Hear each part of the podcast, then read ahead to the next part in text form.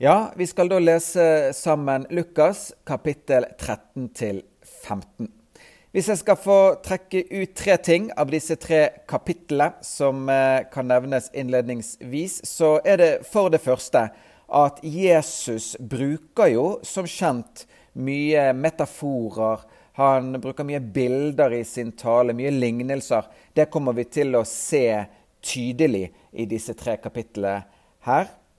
Det andre er at eh, vi kommer til å settes på sporet av at det koster å være etterfølger av Jesus. Og det tredje er at eh, Lukas 15 er jo for mange et slags favorittkapittel, nærmest, i Bibelen, der det er tre ulike lignelser om denne sauen, eller mynten, eller sønnen, som var tapt, men er blitt funnet. Og i hvert av eh, disse tilfellene ser vi at funnet gir en voldsom glede til den letende og dennes venner. Så disse tre tingene sagt om disse tre kapitlene, da eh, setter vi kursen inn i Lukas kapittel 13 først. På den eh, tiden kom noen og fortalte ham om de galileere som Pilatus hadde drept, så blodet deres hadde blandet seg med blodet av slaktofrene som de bar fram. Han svarte og sa til dem, Mener dere at disse galileere var syndere framfor alle andre galileere, siden de har litt dette? Nei, sier jeg dere, men hvis dere ikke omvender dere, så skal dere alle omkomme på samme måte. Eller de 18 som tårnet ved Siloa falt ned over og drepte. Mener dere at de var skyldige framfor alle mennesker som bor i Jerusalem? Nei, sier jeg dere, men hvis dere ikke omvender dere, skal dere alle omkomme på samme vis. Han sa denne lignelsen. En mann hadde et fikentre plantet i sin vingård, og han kom og lette etter frukt på det, men fant ingen. Han sa da til vingårdsmannen, Se, i tre år har jeg nå kommet og lett etter frukt på dette fikentreet, men ikke funnet noe. Hogg det ned. Hvorfor skal det stå her og utarme jorden? Men han svarte og sa til ham, Herre, la det få stå også dette året til jeg får spadd opp rundt det og gjødslet det. Kanskje bærer det da frukt neste år. Gjør det ikke det, så får du hogge det ned. En sabbat holdt han på å lære folket i en av synagogene.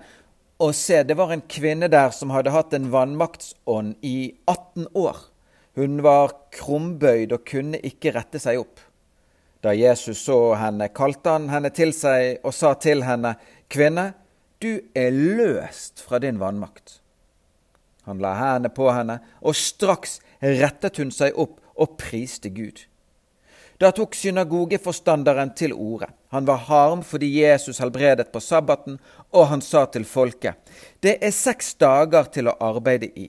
Kom derfor på dem og bli helbredet, og ikke på sabbaten. Men Herren svarte ham og sa, hyklere, løser ikke hver av dere oksene eller eselet fra krybben på sabbaten og leier dem ut så de får drikke?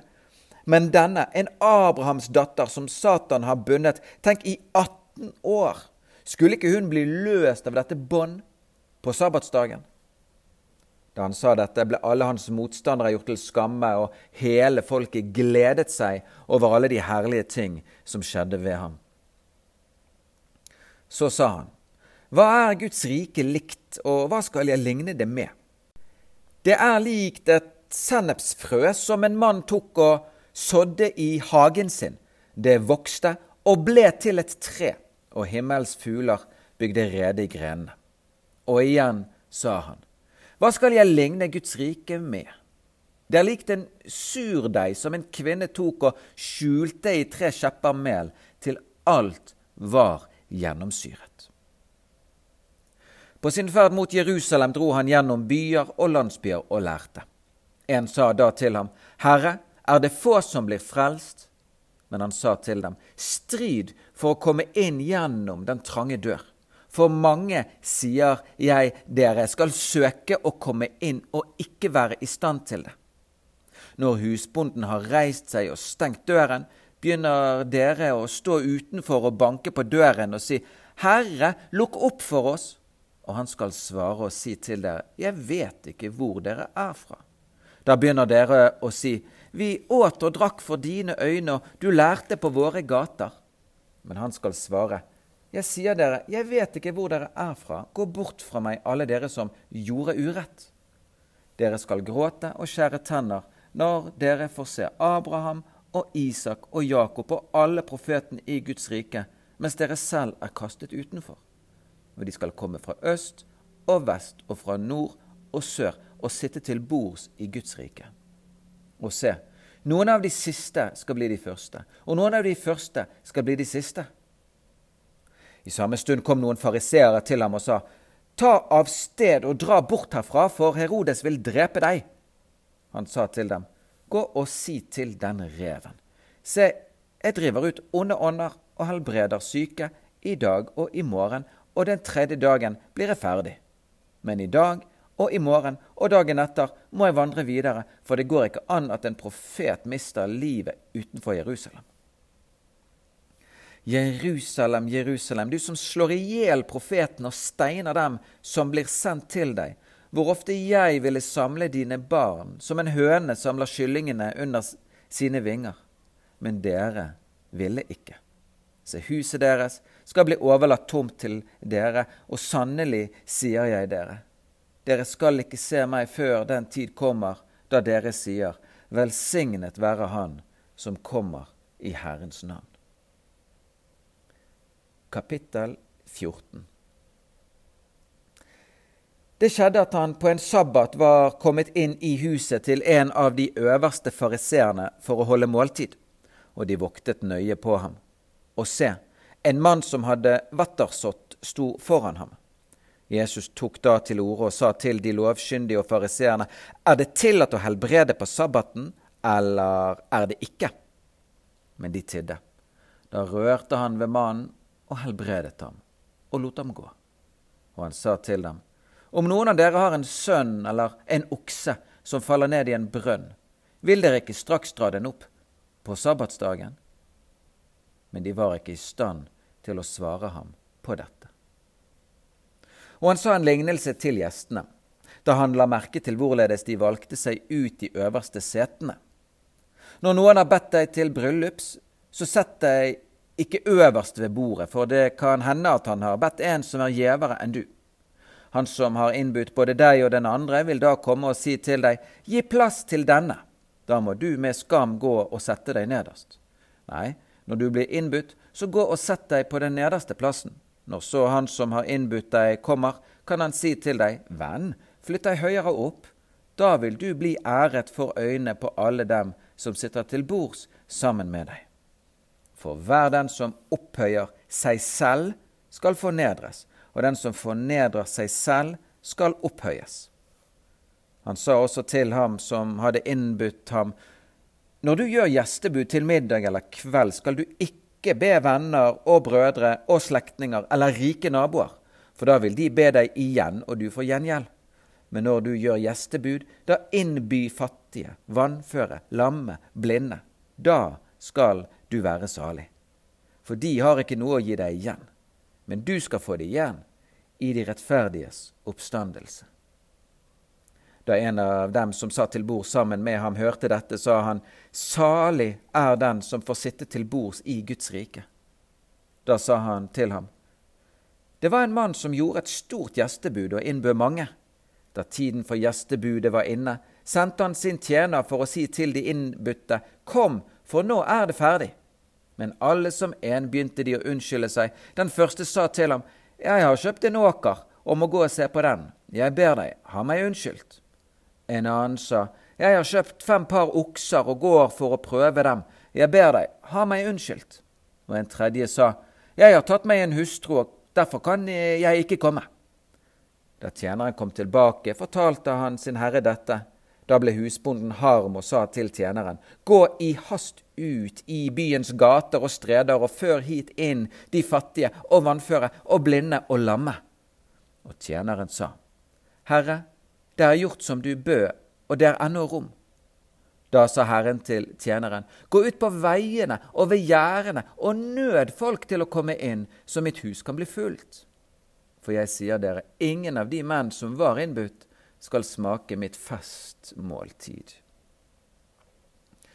Mye folk vandret nå sammen med ham, og han vendte seg og sa til dem, om noen kommer til meg og ikke hater sin far og mor og hustru og sine barn og brødre og søstre, ja, også sitt eget liv, da kan han ikke være min disippel.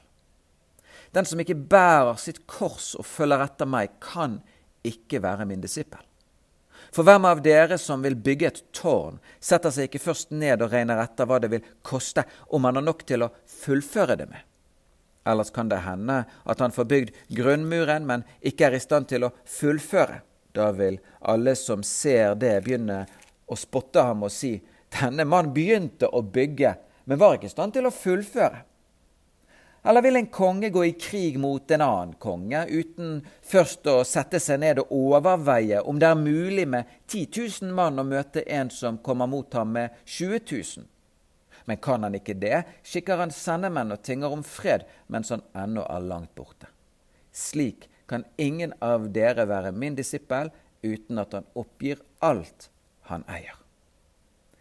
Salt er en god ting, men når også saltet mister sin kraft, hva skal det da saltes med? Da duger det verken i jord eller gjødsel, det blir kastet ut. Den som har ører å høre med, han hører. Kapittel 15 Alle tollere og syndere holdt seg nær til ham for å høre ham, og både fariseerne og de skriftlærde knurret og sa:" Denne mannen tar imot syndere og eter sammen med dem. Da fortalte han denne lignelsen til dem.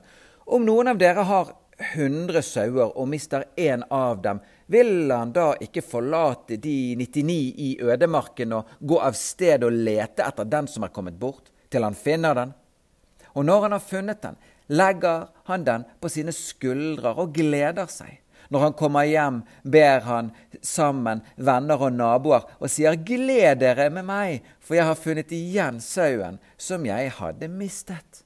Jeg sier dere, slik skal det være større glede i himmelen over én synder som omvender seg, enn over 99 rettferdige som ikke trenger til omvendelse.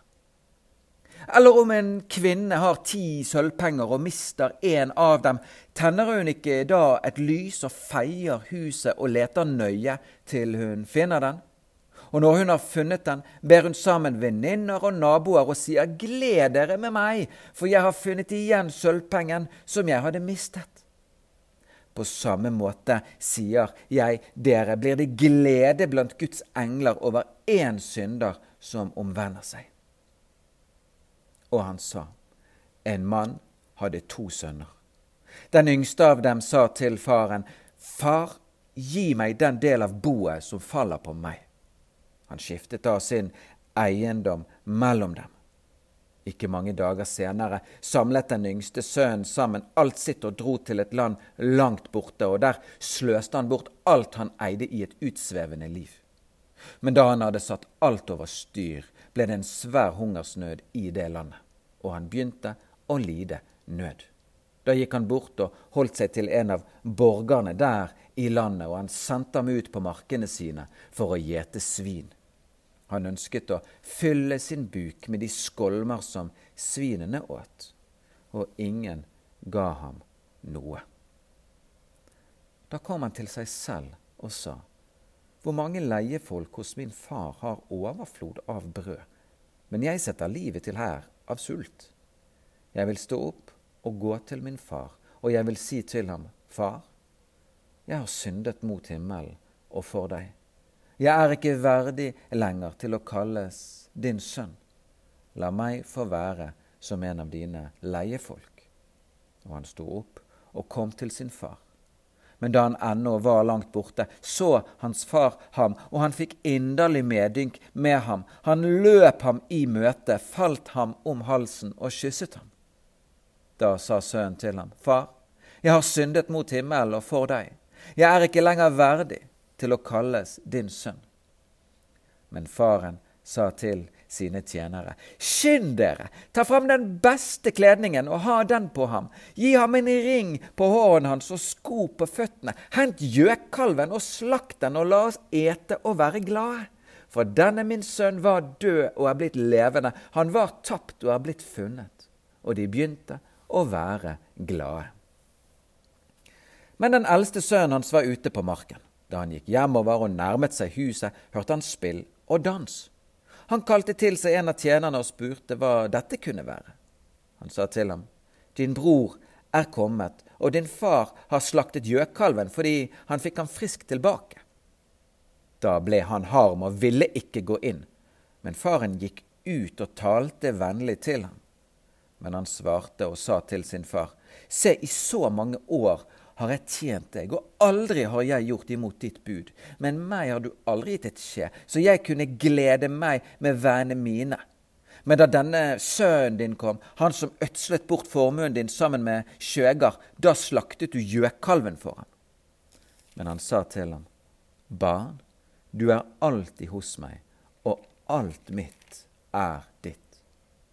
Men nå skulle vi fryde oss og være glade, fordi denne din bror var død og er blitt levende, var tapt og er funnet. Det var Lukas kapittel 13 til 15.